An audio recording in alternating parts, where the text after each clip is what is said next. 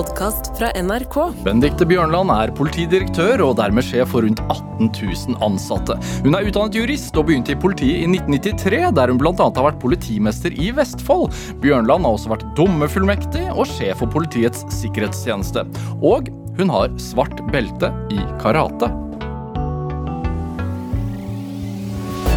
Dette er Drivkraft med Vegard Larsen i NRK P2. Benedicte Bjørndalen, velkommen til Drivkraft. Tusen takk. Hvordan har du det? Jeg har det greit. Eh, jeg har det ikke kjempebra. Jeg har det ikke dårlig, men jeg vil si jeg har det greit, og det har sammenheng med den tida vi lever i. Ja. Det preger meg. Ja. Krigene. Og hvordan det også treffer oss her hjemme. Hvordan preger det deg? Nei, det, jeg har vel en um, En egentlig bekymring som ligger der hele tiden for eh, jobben vi gjør, at vi skal gjøre god nok jobb, og for fremtiden. Hva er det i en urolig verden? Hvordan er det Norge kommer til å se ut tre år fram i tid, fem år fram i tid? Hva treffer barna våre, oppvoksende slekt? Hva kan vi gjøre i dag som kanskje får en impact, påvirkning på, på tiden som kommer, da? Hva bør vi gjøre?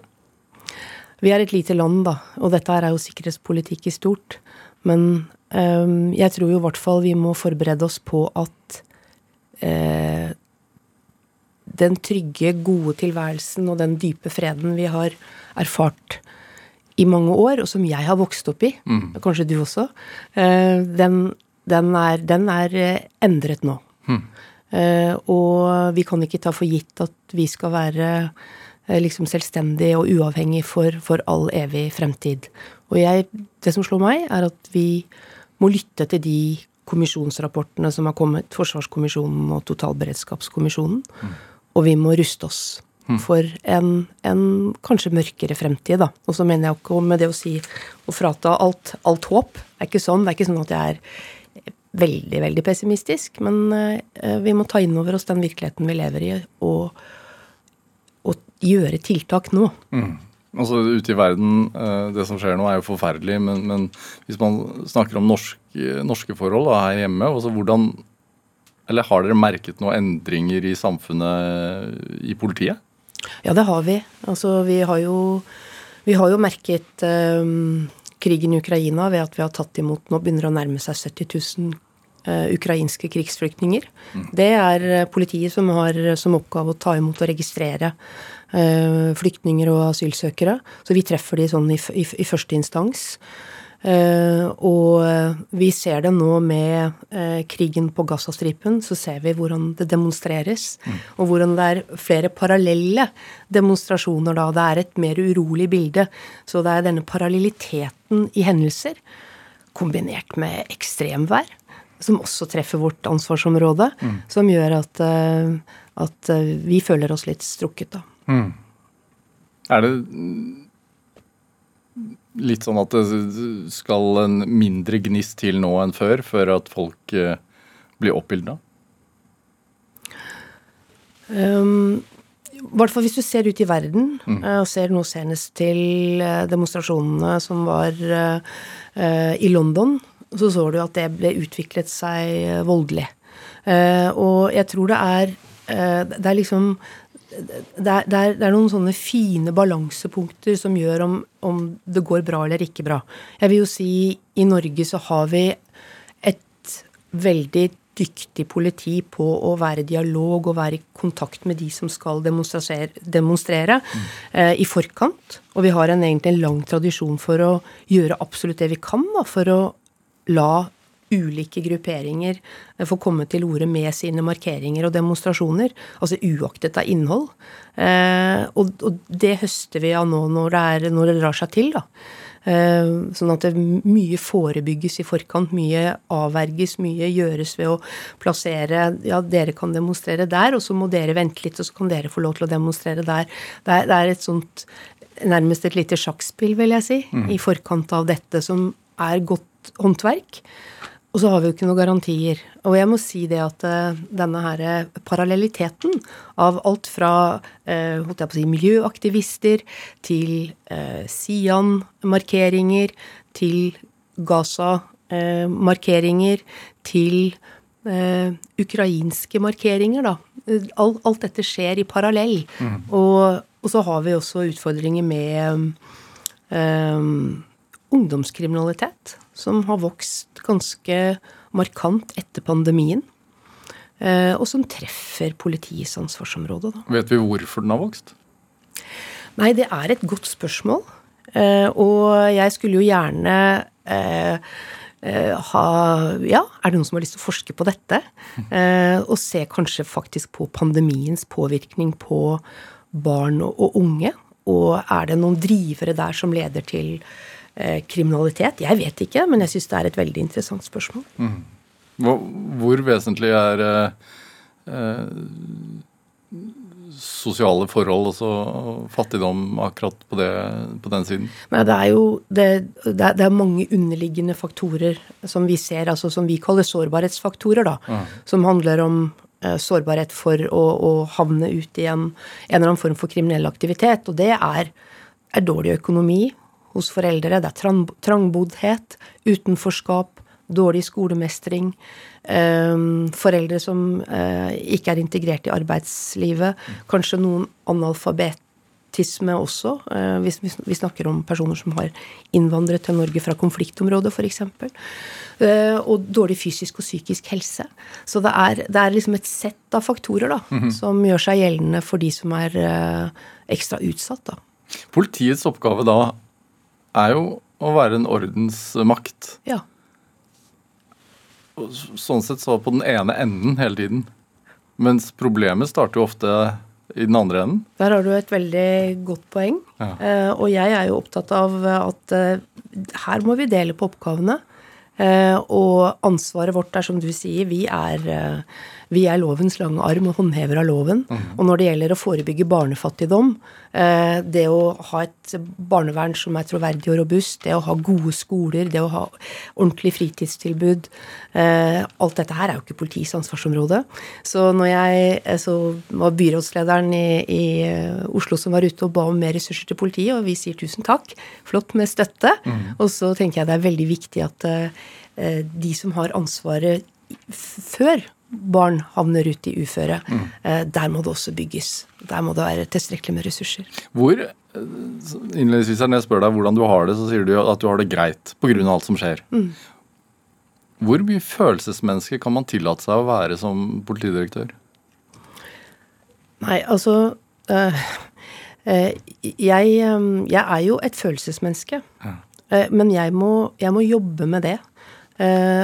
Og jeg har jo faktisk jobbet med det over år, det å tåle ubehag. Og det er på en måte en sånn eh, Hva skal jeg si teknikk som jeg har erfart at eh, du kan la ting komme, og det går over. Mm. Alt går over eh, på et eller annet vis. Eh, og så, så den, den, den der opplevelsen du har her og nå, som er liksom vond, vanskelig, kan synes uh, uoverkommelig. Det mm. går over.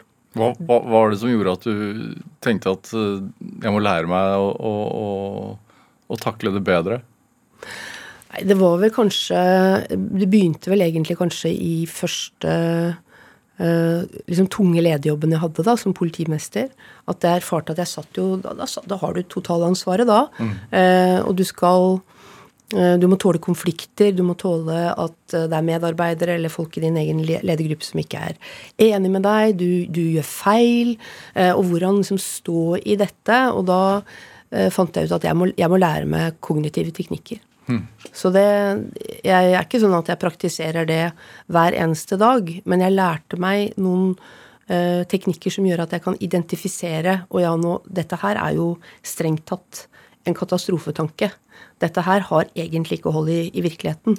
Eh, og så anerkjenner jeg at den er der, og så lar jeg den komme, og så eh, blir jeg ikke så stressa av det, og så går den forbi. Rasjonalisere, ja. rett og slett? da. Mm. Ja.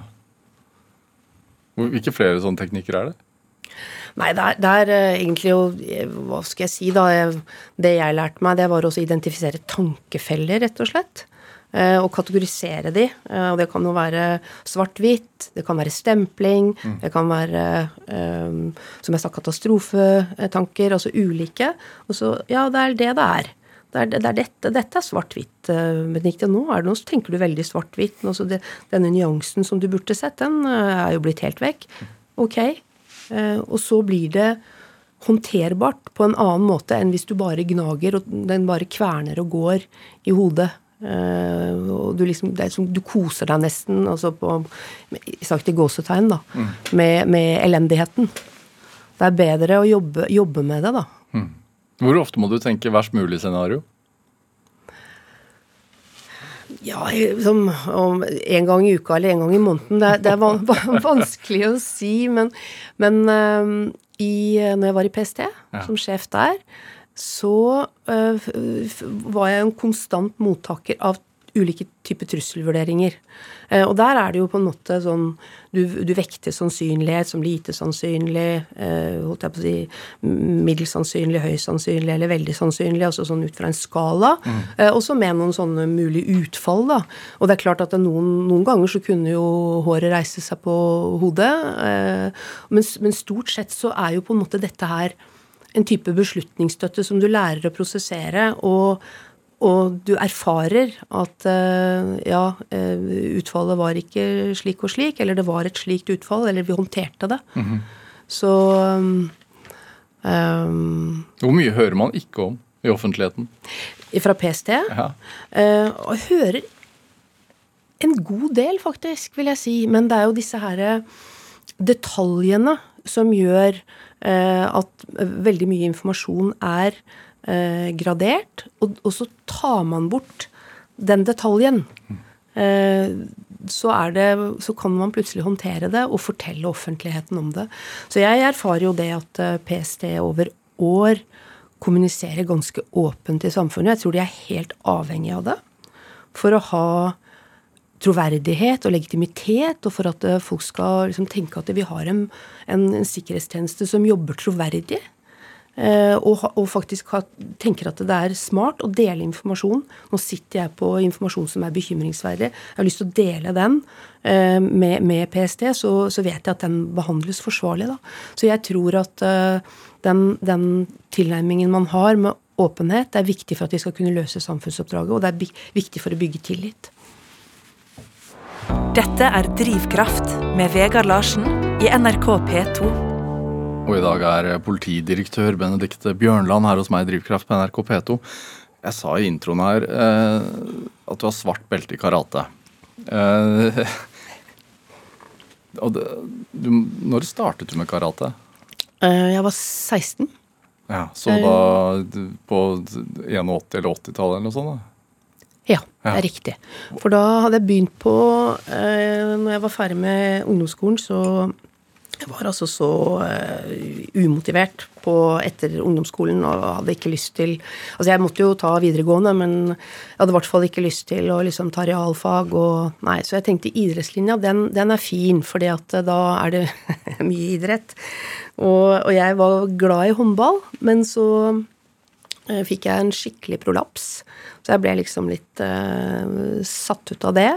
og ja, så var det litt sånn Det var ikke så god stemning på det i den eh, håndballklubben jeg spilte, og på det laget jeg spilte, så jeg bestemte meg rett og slett for å slutte. Men da måtte jeg finne en ny idrett, da. Jeg kan ikke gå på idrettslinje uten å ha idrett. Eh, og da eh, hadde vi jo sånn introduksjoner til ulike idretter, eh, og herunder karate, og da begynte jeg.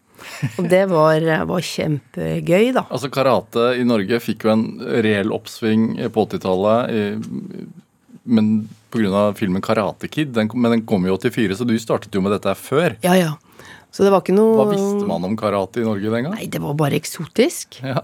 Eh, og, men, men, jeg syns jo det var uh, fascinerende. Eh, og så begynte jeg Hva var fascinerende? Nei, det var denne her Det var, det var jo en martial art. En, en japansk kampsport. Aha. Noe helt annet. Og det var ingen i klassen min på idrettslinja som, som uh, hadde karate da. Så, uh, og jeg startet og fikk, fikk, to veldig fine venner i det miljøet. Eh, som jeg fortsatt har kontakt med. Eh, Dette var i Sandefjord, eller? Nei, det her var i Drammen. Ja. Og så flyttet familien til eh, Sandefjord. Men jeg fortsatte å, å ha kontakt med eh, denne karatklubben i Drammen da, som het Nippon. Og så trente jeg litt i Tønsberg og litt i Sandefjord. Altså, det, det er jo liksom når du har, eh, funnet din, stilart, så kan du på en måte trene den uansett hvor du er i landet. da. Myk, myk eller hard stil? Er det Ja, det her er sånn ikke Eller Shotokan karate som jeg trente da, det er sånn ikke touch. Så du, du liksom slår ikke folk ned. Nei. Eh, Du har kontroll på, på teknikkene. Så du kan jo selvfølgelig bli truffet.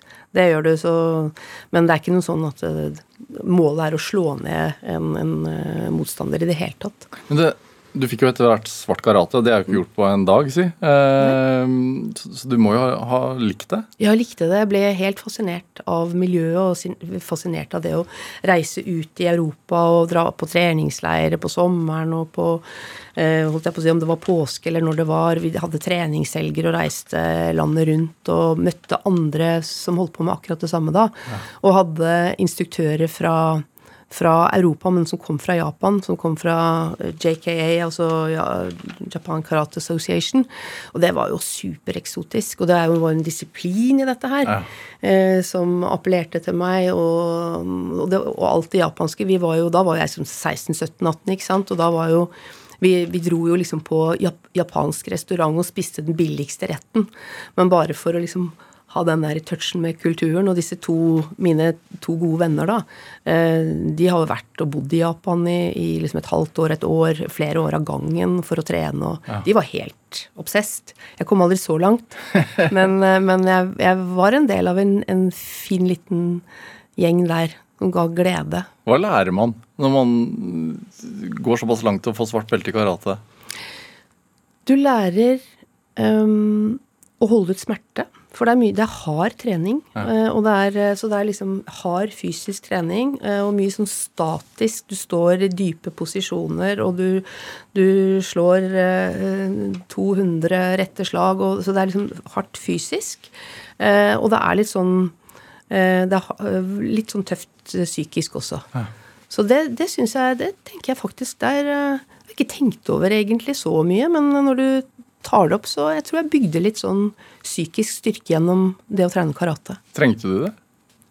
For ettertiden, ja. Ja. Og, og, jeg, og det var jo et pustehull, for jeg hadde, jeg hadde noen sånne ungdomsår som ikke var noe særlig bra. Uh, du sa i introen uh, skolefravær. Altså andre året på videregående, jeg var, da var jeg ikke mye på skolen. Hvorfor det? Nei, jeg, jeg var bare så lite motivert. Eh, og så hadde karatekompisen min, da, som, som også var veldig lite motivert, så vi gjorde alt mulig annet enn å være på skolen. Eh, nei, jeg hadde noen problematiske ungdomsår. Eh, og jeg slet med Hadde et problematisk forhold til mat. eh, som eh, som nok altså, For jeg ble, jeg ble rett og slett veldig overvektig. Og det var en sånn Overspisingsproblematikk? Ja. Ja. Og så Jeg var aldri hos noen lege, så jeg fikk ikke noen sånn diagnose. Men jeg har tenkt etterpå at jeg hadde et Det var, det var ikke Det var usunt forhold Ja. til mat det der. Og det gjorde nok at øh, Altså, jeg Det, det fikk en, en effekt på på, på, på et vis på hverdagen min, på hvem jeg var sammen med. Altså, jeg hadde et sånt sånn skamfullt forhold til det å være så overvektig, da. Så jeg var bare sammen med de jeg var liksom veldig trygge på. Unngikk enkelte situasjoner, for da visste jeg det at da kom jeg til å treffe på de som kjente meg fra før, og som kjente meg som eh, normalvektig, og plutselig så var jeg blitt så overvektig.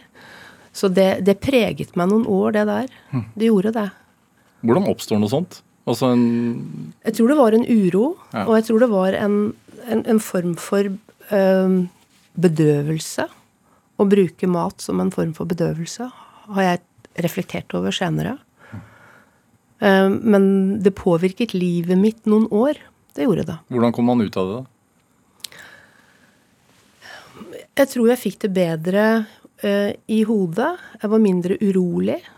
Eh, og da hadde jeg begynt å studere eh, og kom inn igjen på en måte sånn hva skal jeg si, jevnt tralt. Hvor jeg liksom Ja, så begynte jeg å gå til universitetet fra der jeg bodde. og så gikk det egentlig litt sånn ja, Ikke akkurat av seg selv, da, men det var ikke noe sånn eh, kjempehard slankekur eller noe sånt noe. Men det var egentlig å få livet sitt litt mer på track. Hva skyldes uroen, da? Tror du? Jeg tror det var Jeg tror det var en, en, vanskelig brytningstid å være tenåring. At ikke det var så greit. At jeg hadde var engstelig, hadde en uro. Og så var det da denne, denne måten å bedøve seg på, da. Ja. Har det Det at du selv har eh, gått gjennom eh, noe sånt, har det preget deg som leder? Det har i hvert fall preget meg som Hva skal jeg si som mamma. Eh, og det å være veldig bevisst på det å kommentere på andre hvordan de ser ut, hva slags kroppsfasong de har, enten det er slik eller slik, mm. det er ekstremt varsom med. Jeg, jeg vet at altså det, det, det, kan være så følsomt, og det kan være sårt og vondt. Det har man strengt tatt ikke noe med. Og de som har en utfordring i den ene eller den andre uh, retningen, det, det, vet de selv. Det er jeg ganske sikker på. At de aller fleste vet det selv. De trenger ikke at noen utenpå påpeker det. Og så har jeg inntrykk av at uh, det er jo blitt eh, tematisert på en helt annen måte. Mye større åpenhet rundt dette med problematisk forhold til mat. Mm. Man vet mye mer, og det er akseptert, tror jeg, da. Jeg håper det. Um, med, med, alternative kroppsfasonger. Altså alt er på en måte fint. Man ser, håper jeg, man er mer rause nå enn det man var i 1981, 82, 83, 84. Hmm. Mm. Er du opptatt av å være raus? Jeg er i hvert fall opptatt av å være eh, Altså eh, Ja, jeg tror jeg er ganske raus. Eh, og så kan det jo sikkert hende at det er folk under meg som sier at nei, det er du ikke. ja, de er ikke her, så Men de er ikke her. Så jeg kan, jo, jeg kan jo håpe at jeg blir oppfatta som ganske raus. Um, men jeg er nok ganske direkte. Hmm. Uh, jeg, er, jeg, var som uh, led, Så når jeg var leder på et sånn tidlig nivå, da, så var jeg ganske konfliktsky. Jeg lik, likte ikke at jeg liksom ta opp sånn vanskelige ting. Eh, og erfarte jo smertelig at det blir, det blir ikke noe lykke ut av det. Så det å på en måte være direkte, men anstendig da med folk, eh, det håper jeg at eh, jeg er. Men det er, det er Vet at nå har jeg vært leder i 20 år eller noe sånt nå, mm. og det er helt sikkert vitnesbyrd der ute på at, at nei, hun var altfor hard og litt empatisk. Men jeg håper at i stort så blir jeg oppfatta som rimelig ålreit. Men du har en ganske mild fremtoning. I hvert fall ja. sånn som nå, det er første gang jeg treffer deg i dag. Mm. Jeg kommer politidirektøren, og så tenker jeg da kommer det en streng dame, men, men du er ganske mild i fremtoningen. Mm. Er det bevisst? Nei, det er meg. Eh, men jeg har, jeg har hørt eh, Jeg hadde jo en veldig nær kollega i PST som sa at eh, du, du fremstår litt sånn litt, litt, sånn lut og liten, men Benedicte. Så det er liksom viktig at du liksom kommer med, med tydelig stemme og budskap. Og, og mm, jeg, jeg, tror jeg gjør det, da. Um, men jeg, har vel en tro på at du må jo bare være den du er. Du kan ikke bøse deg opp uh, og prøve Jeg er 1,71 høy, jeg blir jo aldri 1,85, ikke sant. Og, og, den der liksom veldig strenge min, det er ikke meg. Mm. Men skjer det noe med deg når du tar på deg uniform? Det skjer noe med omgivelsene når du har på deg uniform. Hvordan da? Nei, når du kommer med uniform, så identifiseres du med, med eh, lovens håndhever. Du identifiseres med samfunnets sivile maktorgan. Der kommer en representant. Hvordan merker, hvordan merker man det altså på, på, Nei, det, på folk? Det, det, er jo um, Er man litt rakere i ryggen, liksom? jeg merker i hvert fall det at når jeg kjører bil ja. og blir, liksom, kjører forbi en, en, sånn kontrollpost for politiet, så strammer jeg meg opp, altså. Det er Jeg, jeg, jeg kjørte så Nei, så det Jeg tror jo at Jeg går ikke rundt og tenker på det. At uh, nå har jeg på uniformen, og nå liksom tar jeg rommet. Mm. Jeg er ikke en sånn person, tror jeg, som på en måte tar rommet. Men du får jo en form for oppmerksomhet rundt den uniformen, og kanskje en form for litt sånn For autoritet. Uniformsaura. Ja. Det gjør du.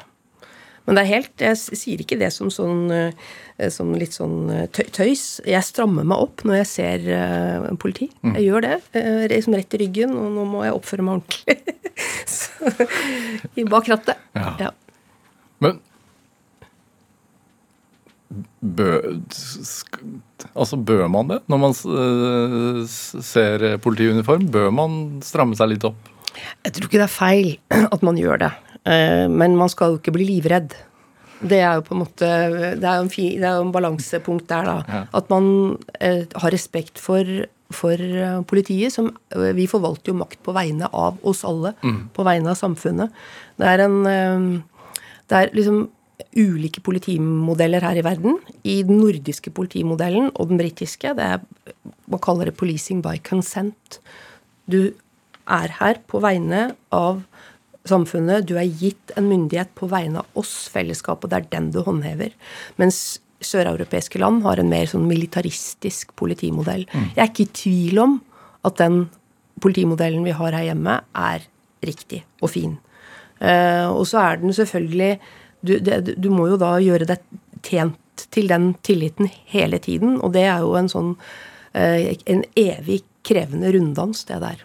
Mm med å stå i vanskelige saker, være åpne om feil og mangler, eh, tåle den eh, fjerde statsmakts eh, konstante blikk på alt vi gjør, mer eller mindre nyansert, ofte riktig.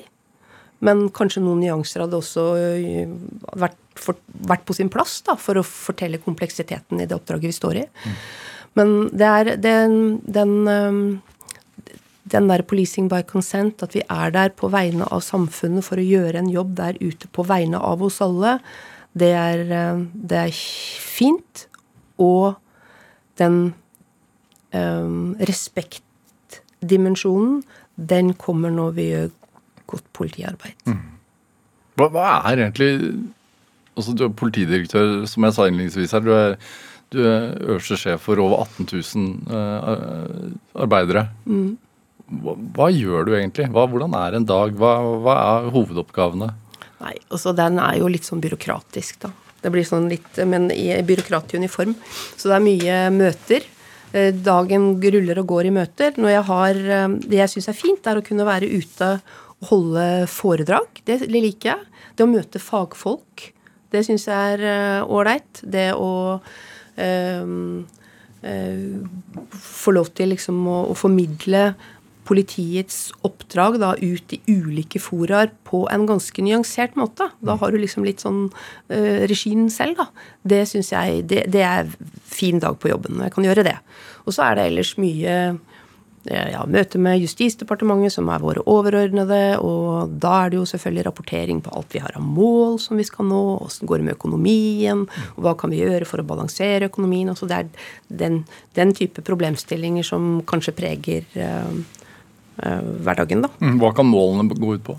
Nei, Det kan gå ut på f.eks. responstid. At vi skal uh, nå uh, på å si et akuttoppdrag, så skal vi være på plassen innen 11 minutter, eller innen 20 minutter, eller innen 30 minutter. Litt avhengig av liksom hvor tettbygd en kommune er og sånn. Det kan være ett mål, bare for å nevne noe. Ja. ja. Hvordan blir man bedre på det? da? Øver? Trener? Ja, eller altså det vil jo typisk kanskje være litt sånn eh, ressursbetont, men det vil også være hvordan er det operasjonssentralen vår liksom styrer ressursene. Eh, hvordan er det de posisjonerer eh, patruljene og passer på hvis de flytter en patrulje over fra den delen av kommunen til en annen del av kommunen, så passer man på, på for å etterfylle fra, sånn at man hele tiden posisjonerer seg, da. Mm. Da har man større sjanse, da, tror jeg. Sånn. Dette er ikke akkurat, kjenner jeg, sånn dypt inn i fagfeltet mitt, men jeg tror det er der. Er det noen mål du er spesielt fornøyd med at du har oppnådd i løpet av den tiden du har sittet som sjef? At vi har startet en digitaliseringsreise. Det høres jo helt eh, underlig ut, kanskje. Ja. Det blir litt sånn eh, uhåndgripelig. Men det handler om at vi, er i stand, at vi skal settes i stand til å håndtere digital kriminalitet. For mye av kriminaliteten skjer i det digitale domenet. På en Som for eksempel? mer- Ja, altså Det kan være bedragerier.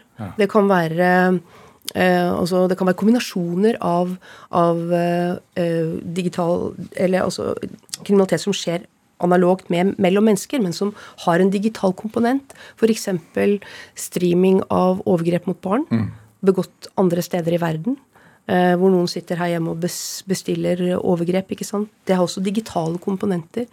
Eh, det å dele overgrepsmateriale knytta til unger, det er veldig sånn de, tunge digitale komponent, komponenter rundt det. Så eh, angrep fra eh, ikke-statlige aktører, eller altså organiserte kriminelle der ute i verden, som eh, iverksetter tjenestenektangrep mot norske virksomheter, løsepengevirus. ikke sant? Det er, mer og mer skjer i det digitale domenet, og det går så fort. Sånn at det der å henge med på det, det at vi har startet den reisen, eh, det er jeg fornøyd med. Eh, og så hørtes kanskje ikke så flott ut, men er, det er jeg fornøyd med at vi har fått til, i hvert fall. Høres, Vi er ikke i mål. høres meget eh, nødvendig ut, spør du meg, da, men også ut som en enorm oppgave. Det er en enorm oppgave. Og det er kostbart også. Ja. Så vi må tenke klokt rundt hvordan vi gjør det, hva vi gjør først. Ja. Og hva vi gjør som nummer to og nummer tre. Og, og at man kanskje også bare er på stigende kurs i forhold til den utviklingen. At den bare vil komme mer og mer nå med kunstig intelligens. og Det er jo et, der er du inne på noe som er holdt jeg på å si, kanskje en multiplikator for kriminalitet. Det er uh, eh, kunstig intelligens. Uh, og eh, vi må ta det i bruk på en klok måte.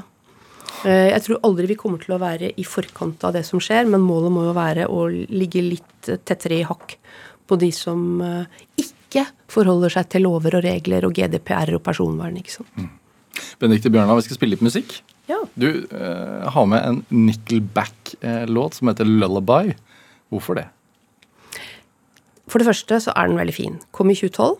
Eh, Det er eh, Vokalisten Chad Kroger, han har en stemme som Det er liksom grus i den, men det er sånn fin grus.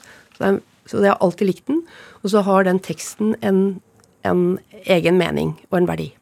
Eh, Og det, den handler om å strekke ut en hånd til folk som sliter eh, psykisk, og ikke gir opp. Altså det er, eh, i, i, en sånn fortolkning da, så kan du tenke at det handler om selvmordsforebygging. Og vi har Det er ikke så lenge siden, det er en halvannen måned siden vi hadde verdensdagen for psykisk helse og selvmordsforebygging, og vi, ligger, vi liksom går feil vei på statistikken for, for selvmord i landet. Og vi har selvmord i politietaten nå.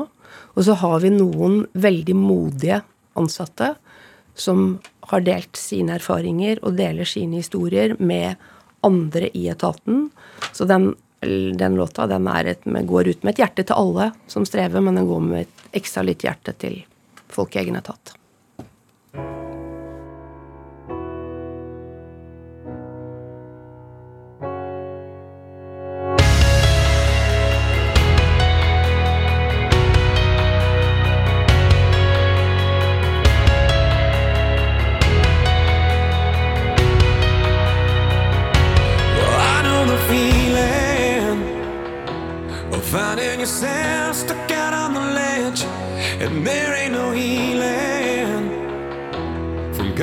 Yourself with the jagged edge. I'm telling you that it's never that bad. Taking from someone who's been where you're at, laid out on the floor, and you're not sure you can take this anymore. So just give it one more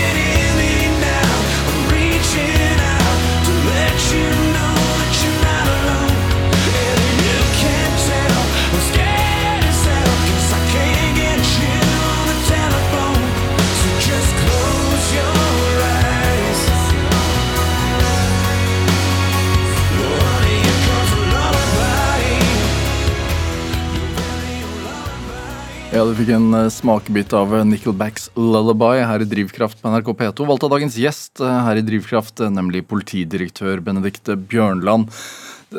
Det, med eh, digitalt, som vi pratet om før altså det, Som eh, politidirektør legger jobben noen begrensninger på ditt eh, privatliv? Kan du være på TikTok? Nei. Nei. Jeg er jo ikke på TikTok, og jeg er ikke på Facebook. Eh, og så hender det jeg logger meg på X, da, eller tidligere Twitter, bare for å se hva, hva ligger der av galskap nå. og meg. Stadig mer? ja, og så Men jeg er ikke noe aktiv bruker. Nei. Og det tenker jeg er eh, eh, riktig. Jeg opplever jo at eh, det sluker eh, tid. Jeg er jo en, en nyhetsavhengig person, så jeg er for mye på den skjermen. Eh, og når jeg har tid til å ikke være på den skjermen, faktisk sette meg ned og lese en roman, det gir ro i sjela. Det, er, eh, det er godt. Jeg tror mange har godt av ikke være på den skjermen. I hvert fall har jeg det. Hva leser du da? Nei, sist jeg leste roman er en uh, Hva het den da? Den het Butch, uh, Butchers Crossing. uh, som handlet om bøffeljakt i, i eh, En veldig fin roman eh, på 1890-tallet i, i eh, USA. Og sånne sanselige naturopplevelser kombinert med den der nedslaktingen av disse eh, bøflene, da. Mm. men men det, det var en Jeg tror romanen er skrevet i 1964, men den den gir mening i dag, og den altså, sånn tidløshet over seg. De virkelig gode romanene er jo sånn. Var det ikke en roman som fikk deg inn på jussporet også? Jo, den, den gjorde altså det, det tror jeg ikke var noe tidløs roman, altså. Men det var en, det var en roman om eh, en, eh, en dame som var advokat. Eller hun ble advokat. Eh, og det var eh, en sånn Oi, ja. Husker du hvilken? Nei, jeg, jeg, den, det har jeg faktisk glemt. Eh, jeg burde jo husket det, men jeg, det var det, var, det handlet om en dame som, som studerte jus og ble advokat, og så hadde hun liksom et spennende yrkesliv. Da det var liksom fulgt henne over noen år. Eh, og det var nok til at jeg tenkte at kanskje det er en mulighet eh, å utforske. Og så skal det jo ikke stikkes under en stol, da. At eh, jeg gikk vel ut med jeg tør nesten ikke å si det, 4,3 i snitt eller noe sånt nå. Jeg var jo, eh, jeg hadde jo knapt vært der, men eh, greide å, å skli inn på det. Og det var jo da, for å komme inn på jussen i 1985-86, så var man jo blant topp ti i, i snitt. Altså for det var jo, Da hadde man akkurat lukket dette jusstudiet. Nå er det jo sånn helt vanvittig snitt for å komme inn der. Ja, men Man måtte gjøre en innsats for å få lov til å være der, da.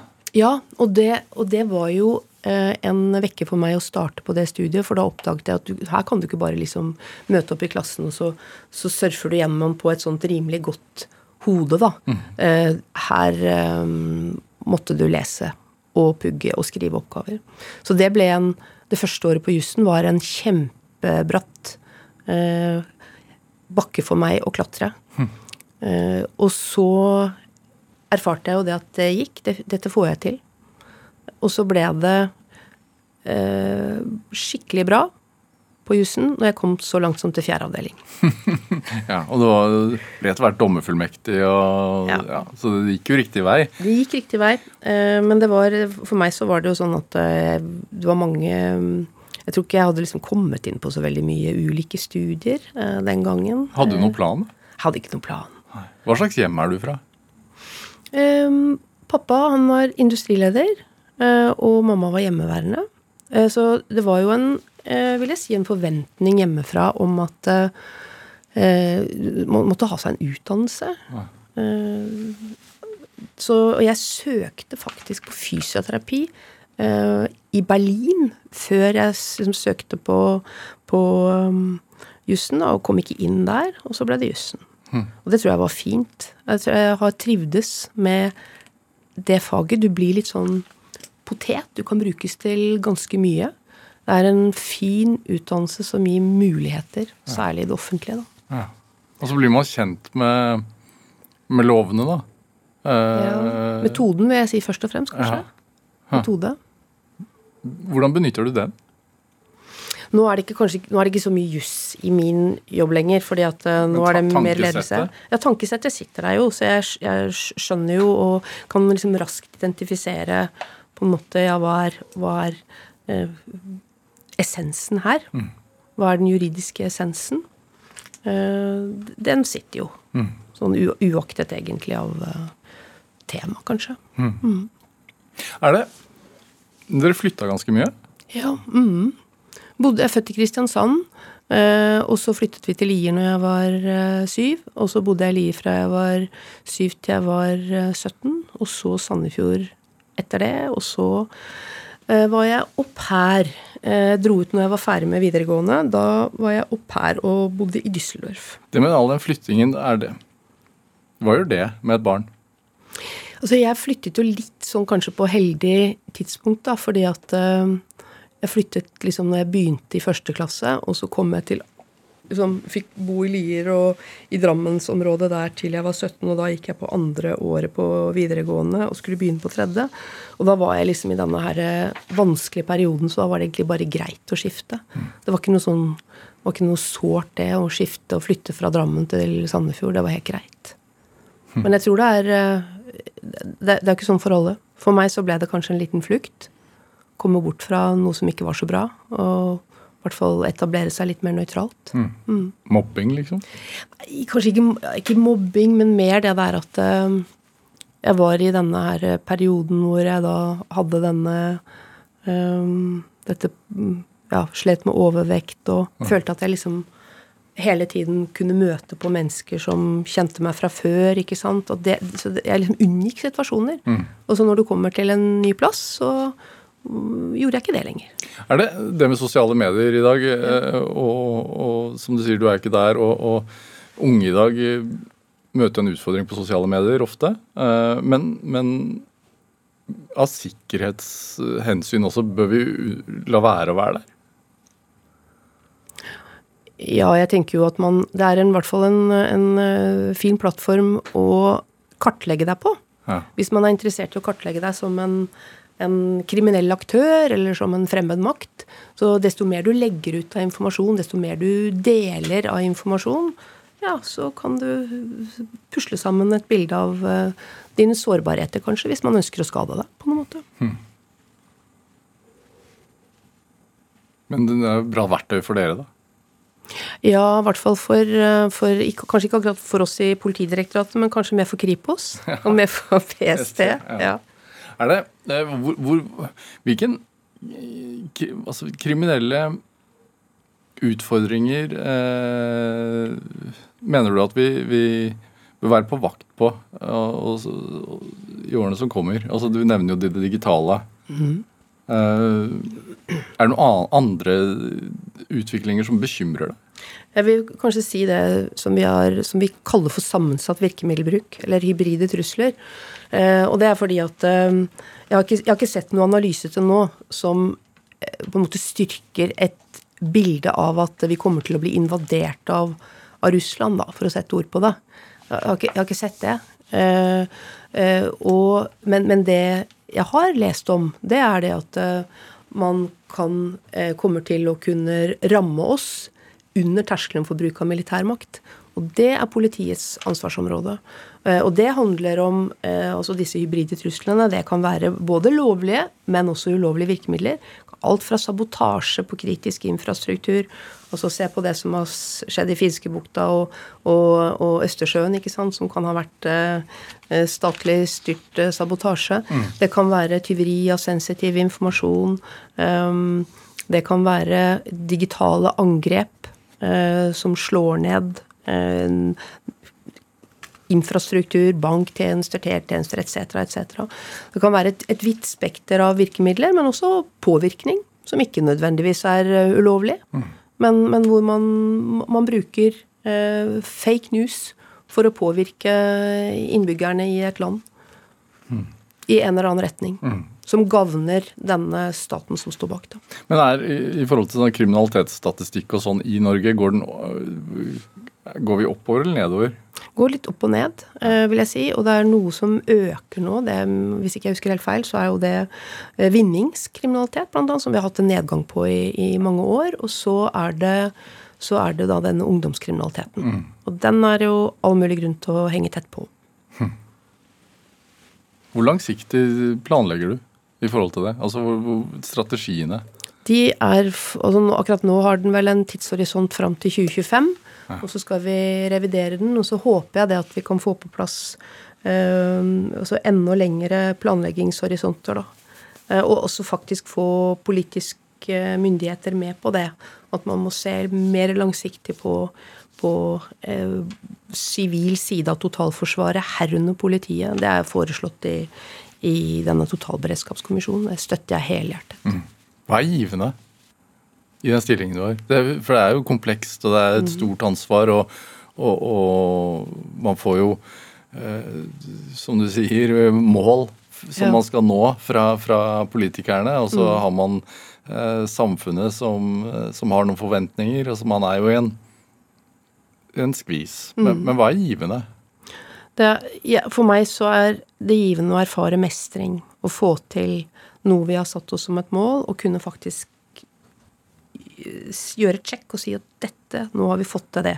Så er ikke det så ofte, for det er jo liksom langs, vi jobber jo ganske langsiktig, da. Ja. Men øh, jeg syns det er Når jeg liksom får jeg ser organisasjonene, jeg ser øh, folk der ute som jobber i ytterste ledd i politiet. Da, den innsatsen som legges ned. De møtene er givende. Det å høre om hverdagen deres, og, øh, og som absolutt ikke alltid er rosenrød, men liksom høre om eh, det fine arbeidet de gjør, da, og det de får til. Det gir mening, da. Det er veldig bra.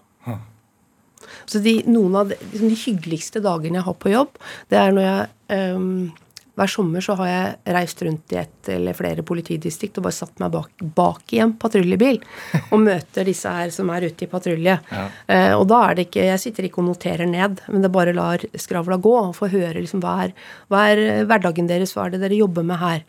Og eh, det jeg erfarer, da, det er det at eh, ja da, du får høre litt sånn Nei, vi mangler kanskje det, og vi er litt få. Og, altså, du, du, får da absolutt utfordringene, men du hører også om eh, alt det fine.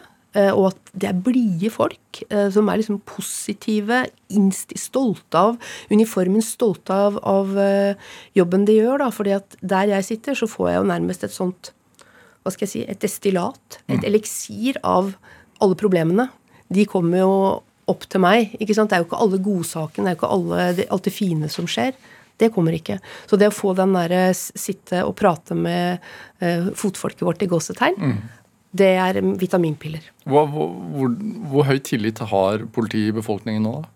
Dere har sikkert statistikk på det stadig vekk? Ja, jeg. jeg tror vi, vi, ligger ganske jevnt. Så vi har, øh, vi har høy tillit. Og så tror jeg det henger sammen med tillit til myndighetene i stort. Mm. Uh, sånn at hvis den generelt går ned, så vil nok vi også erfare dipp. Og så tror jeg ved at det, når vi har hatt saker som Baneheia, ikke sant, mm.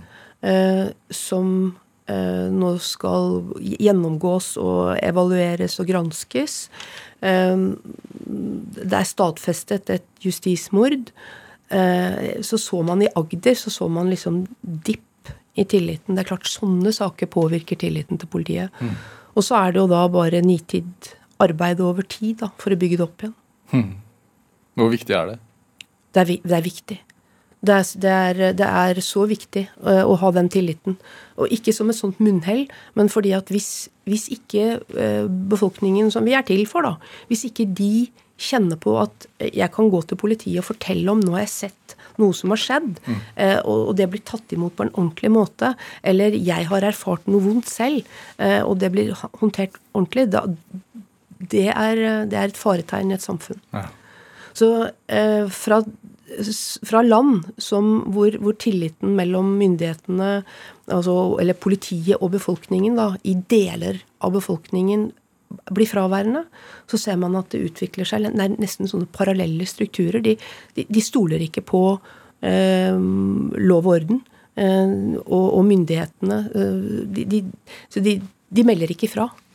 De som kunne vært viktige vitner, de som kunne ha kanskje stanset neste angrep eller neste straffbare handling, de forblir tause. Så det er eh, Derfor er tillit så viktig. Henlegges det for mye?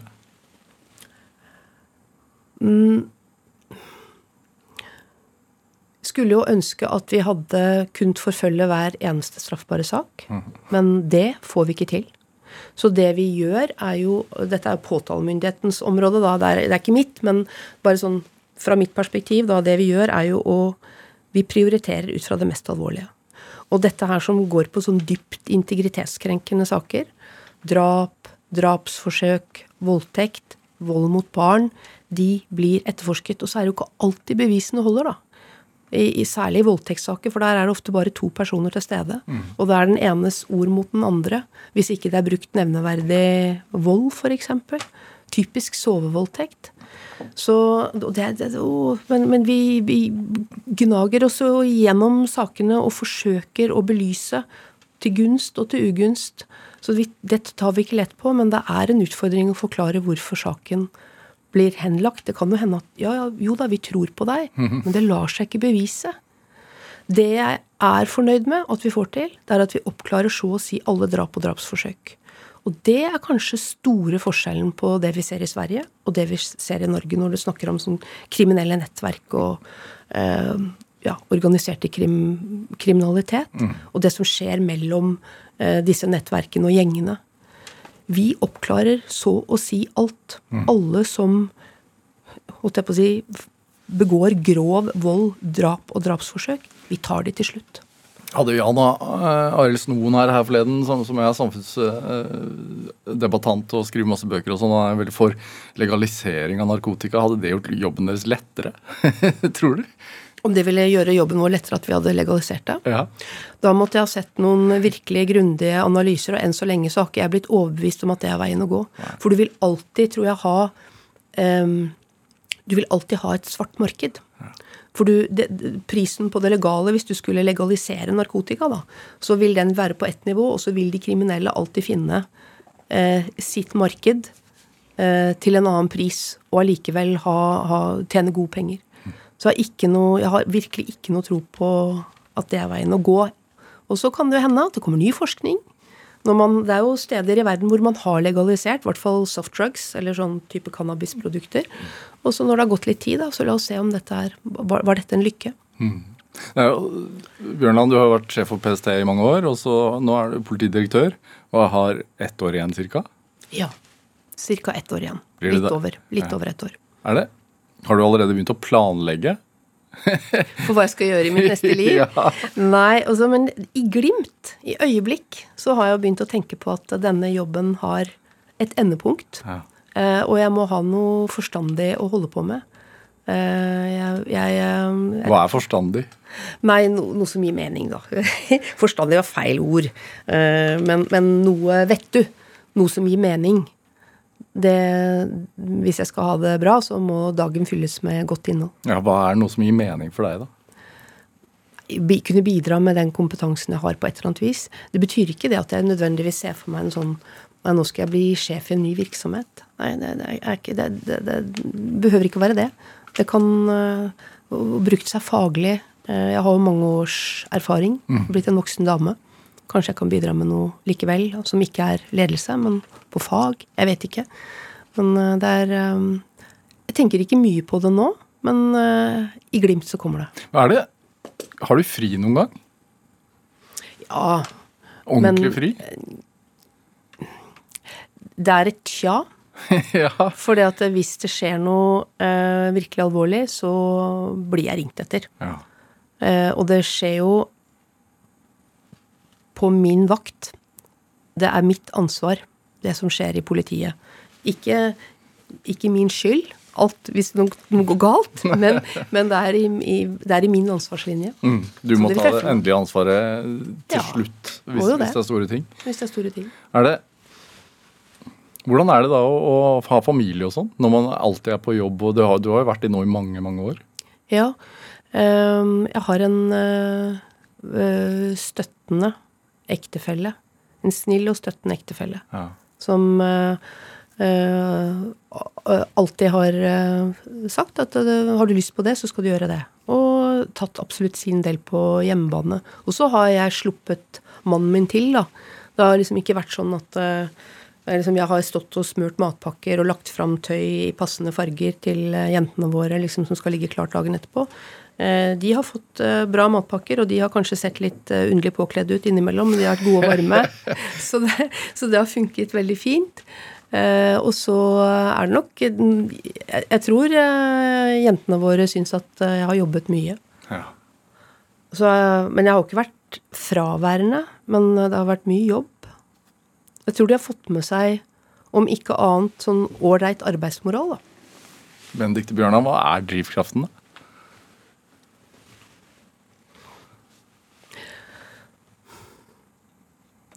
Jeg tror det handler om mm, Kanskje eh, i ytterste konsekvens bidra til rettferdighet.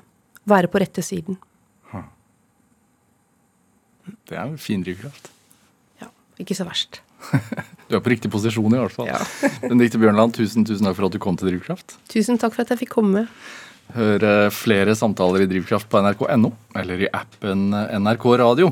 Send oss ris eller ros, og også tips til mennesker som du mener har drivkraft. Send den e-posten til drivkraft, krøllalfa, nrk.no. Vi hører veldig gjerne fra deg. Produsent og researcher i dag, det var eh, Ådne Feiring. Dette var Drivkraft. Jeg heter Vega Larsen. Vi høres. Du har hørt en podkast fra NRK.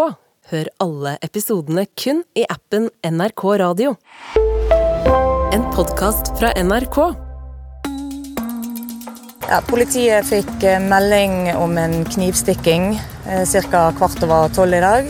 En helt vanlig formiddag dukker det opp en psykotisk mann hjemme hos 24-åringen Heikki Palto på Majorstua i Oslo. Så det virker jo helt, helt tilfeldig at han da går og banker på der. Hør Drapsmann på døra i appen NRK Radio.